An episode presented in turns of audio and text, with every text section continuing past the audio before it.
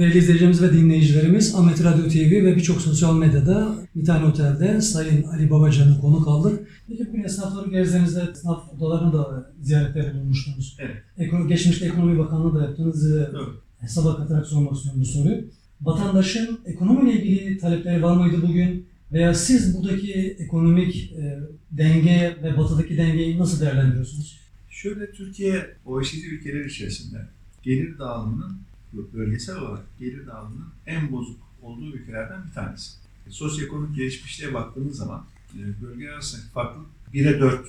Gerçekten bu çok büyük bir fark.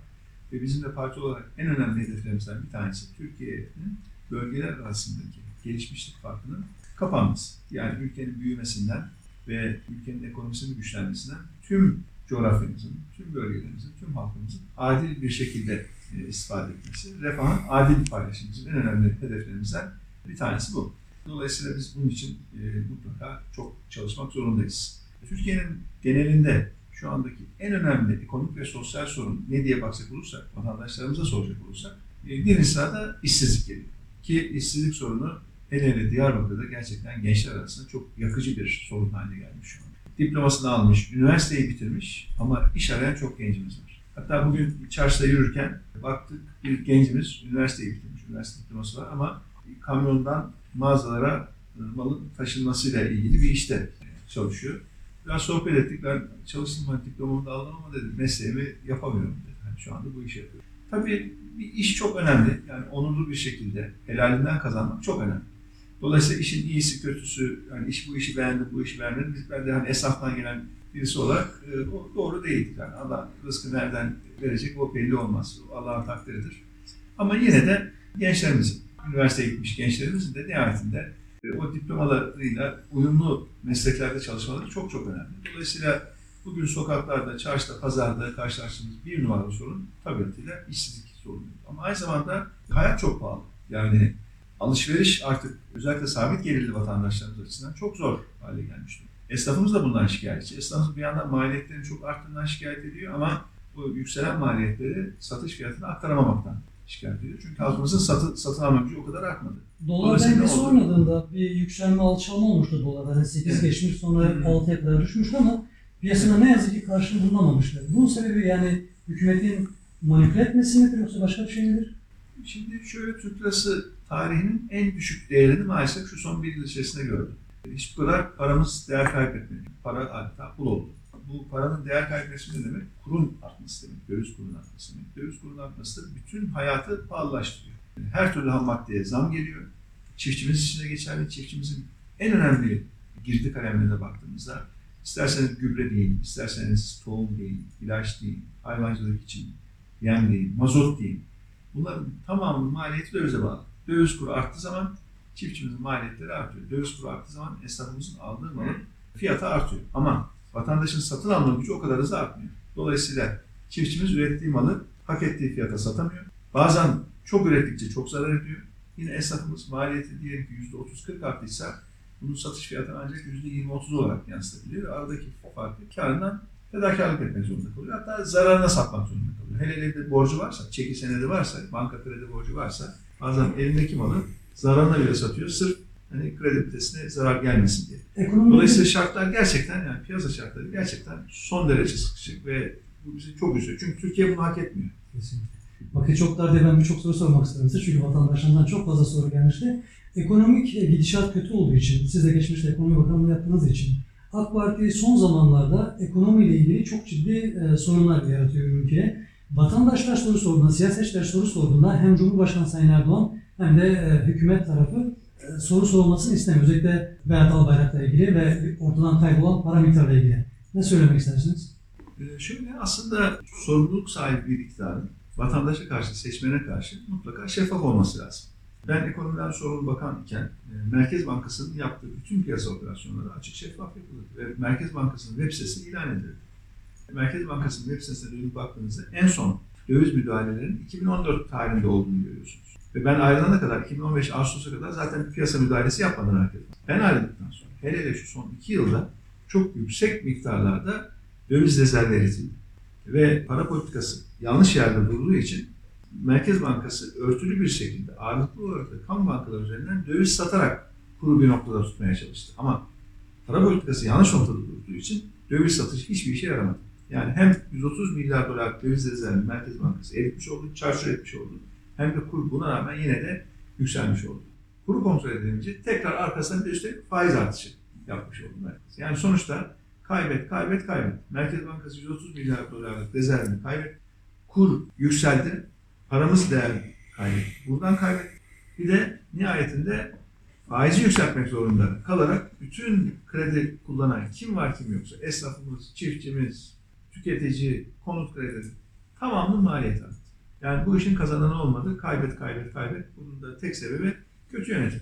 Yani- tıkanmışlar orada. Öyle, öyle yani taraflı Cumhurbaşkanı ve Akraba Bakan el ele verdiler. Maalesef ülke iki yıl gibi bu kadar kısa bir süre içerisinde bu kadar kötü duruma e, düşürdüler. Çok üzülüyoruz çünkü Türkiye bunu hak etmiyor. Yani dünyada bu kadar paranın bol olduğu bir dönemde trilyonlarca dolar ve trilyonlarca euro likitenin piyasaya sürüldüğü bir dönemde Avrupa'da eksi faizle kredilerin alınıp verildiği bir dönemde Türkiye Merkez Bankası %17 gibi faiz uygulamak zorunda kaldı. Sadece ve sadece kötü yönetim sebebidir. Başka hiçbir sebebi yok bunun. Pandemi falan diyorlar da pandemi sadece Türkiye'de yok ki Avrupa'da da dünya. Pandemi döneminde Avrupa eksi faiz uyguluyor mu? Uyguluyor. Niye Türkiye Cumhuriyeti %17 Merkez Bankası faiz uygulamak zorunda kalıyor? Bunu sormak lazım. Kime sormak lazım? Herhalde dönüp Merkez Bankası yönetimine sormayacağız bunu. Çünkü Merkez Bankası Yani bağımsız değil sorulmayacak. Muhalefete hükümete sorulacak. sormayacağız. Hükümet, hükümet kim? Cumhurbaşkanı. Başka hükümet diye bir şey yok biliyorsunuz zaten. Yani Bakanlar Kurulu diye bir şey yok. Bakanlar Kurulu, hükümet. Bakanlar Kurulu tüzel kişiliği bitti. Evet. Eskiden Bakanlar Kurulu kararı vardı. Şimdi Cumhurbaşkanı kararı var. Tek imza. Bir sorun Yani- ne olacak Kürt sorunuyla ilgili? Partinizin bir Kürt sorunu yaklaşımı, Kürtçe ile ilgili, ana dille ilgili açılımlarını, söylemlerini hem sizden hem de partimizden görüyoruz. Bugün sabah kahvaltısında da benzer soruyu sormuştum size. Yakın zamanda öğretmen atamalarında Kürtçe'ye sadece 3 kontenjan. Kürtçenin de ikisi Kurmancı lehçesi, biri Kırdaasiyen Zazaki lehçesi. Bu hükümetin politikası diğer bütün yabancı diller yani Türkiye dışındaki yabancı diller o kadar çok kontenjan tanınmışken bu ülkenin asli unsuru olan Kürtlere sadece 3 kontenjanı nasıl değerlendireceksiniz?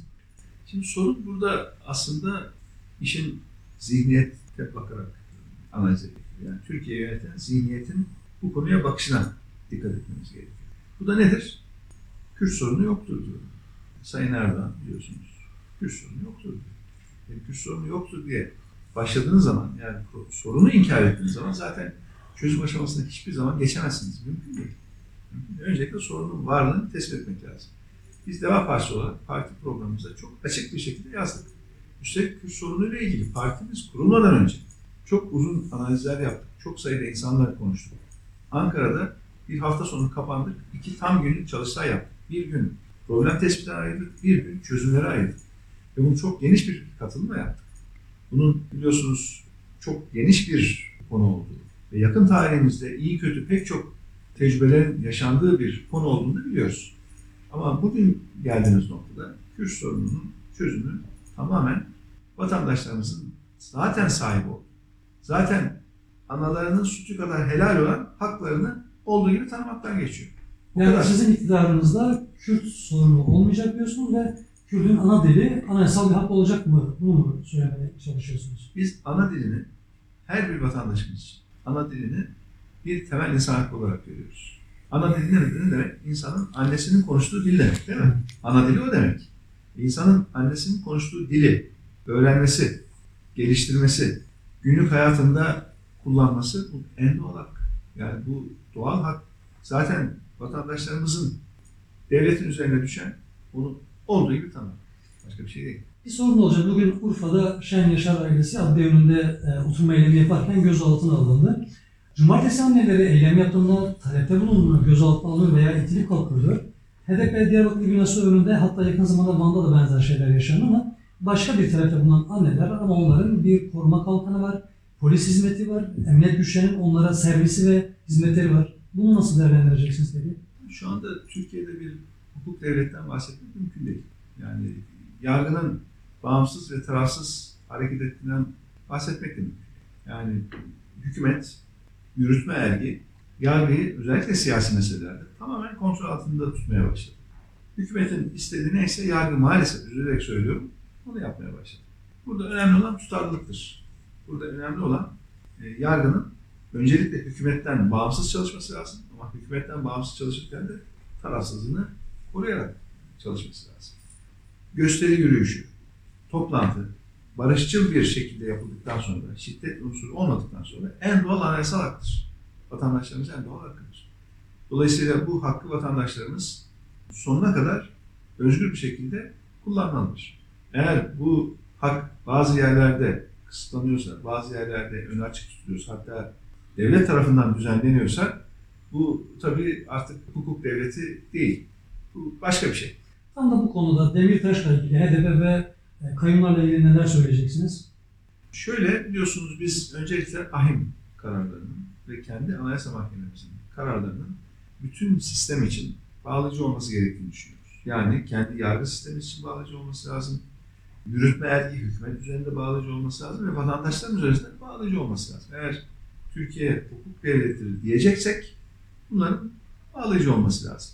Ve yine siyasi konularda hükümetin yargının işine karışmaması lazım yargının kendi doğal süreçlerinin çalıştırılması lazım.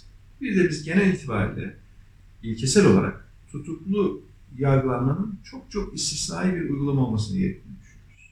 Tutuksuz yargılanmanın esas olması, tutuklu yargılanmanın çok çok istisnai bir uygulama olması gerektiğini düşünüyoruz. Bunu her yerde açık bir şekilde ifade ediyoruz. Son bir sorum da olacak. Siz partinizin oluşumunda ve şu anki teşkilatlanma zamanında siyasetçilerden ziyade yeni, taze kanları tercih ettiniz. Yani eski siyasi, siyasetçiler ve milletvekillerinin sayısı partinizde azınlık gözüküyor.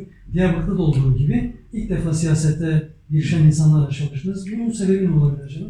Şöyle siyasette tecrübe önemli kuşkusuz ama bizim dikkat ettiğimiz önemli husus vardı. O da daha önce siyaset tecrübesi olan arkadaşlarımızın kendilerini korumuş, etik standartları konusunda gerçekten hassas, e, siyaseti kirletmemiş, siyasetin kirletmediği insanlardan e, tecrübeli bir grup arkadaşımız vardı. Kuruluşta da vardı. Şimdi teşkilatlanmalarda tecrübeli arkadaşlarımız oluyor. Ama e, sayıca ağırlık daha önce hiç siyaset yapmamış arkadaşlarımızdan. Yani.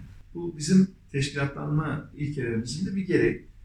Türkiye'nin her yerinde olduğu gibi Diyarbakır'da da biz il başkanımıza görev verirken ve il kurucu heyetimize aynı zamanda görev verirken dedik ki bütün yönetim kurullarında yönetim kurulu yarıdan fazlası mutlaka siyaset yapmamış arkadaşlarım olacak.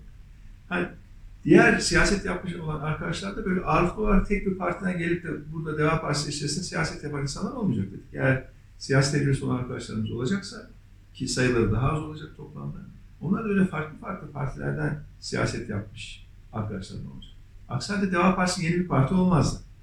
Yani eski partilerden bir tanesinin Diğer partinin devamı olurdu. toplasın olmuş. Devamı yani bir, bir, bir partinin devamı olurdu. Dolayısıyla gerçekten Türkiye'nin ihtiyacı yeni bir siyasi partiydi ve bunun için uğraştık, bunun için çalıştık. Şu önemli, bizim çoğu teşkilatımızda böyle çok tanınmış, çok popüler isimler yok. Ama nasıl isimler var? Tanıyanların iyi diye bildiği isimler. Diyelim ki bir şehirde 500 bin kişinin tanıdığı bir isim olabilir ama 50 bin kişinin tanıdığı bir isim olabilir. Bizim tercihimiz 50 bin kişi tanıdığı ama o 50 bin kişinin ya bu çok iyi insan dediği kişilerden yana oldu tercihimiz. Bence Türkiye'nin Çünkü o- de böyle şahsiyetler ilk başlangıçta 50 bin kişi olur ama kulaktan kulağa o kadar hızlı yayılır ki. O iyi bilenler çünkü etrafına söyler. Yani Deva Partisi'nin bir il başkanı varmış. Deva Partisi'nin şu ilçede bir ilçe başkanı varmış. Çok iyi insanmış. diye. Bu bir süre sonra yayılır gider. Dolayısıyla biz sağlam bir temel atmak istedik. Geleceğe dönük gerçekten bu ülke için umut olabilecek, bu ülke için gerçekten yepyeni bir siyaset kültürünü, yepyeni bir siyaset anlayışını inşa edecek bir altyapı kurmaya çalıştık. Kuruyoruz. Sonuçlar da şu ana kadar gayet iyi çok şükür. Yayınımıza katıldığınız için çok teşekkür ederim size. Ben teşekkür ediyorum. Sağ olun. Ee, Sizin mecranız aracılığıyla da bizleri takip eden, izleyen bütün vatandaşlarımıza sevgilerimi, saygılarımı sunuyorum. Çok sağ olun.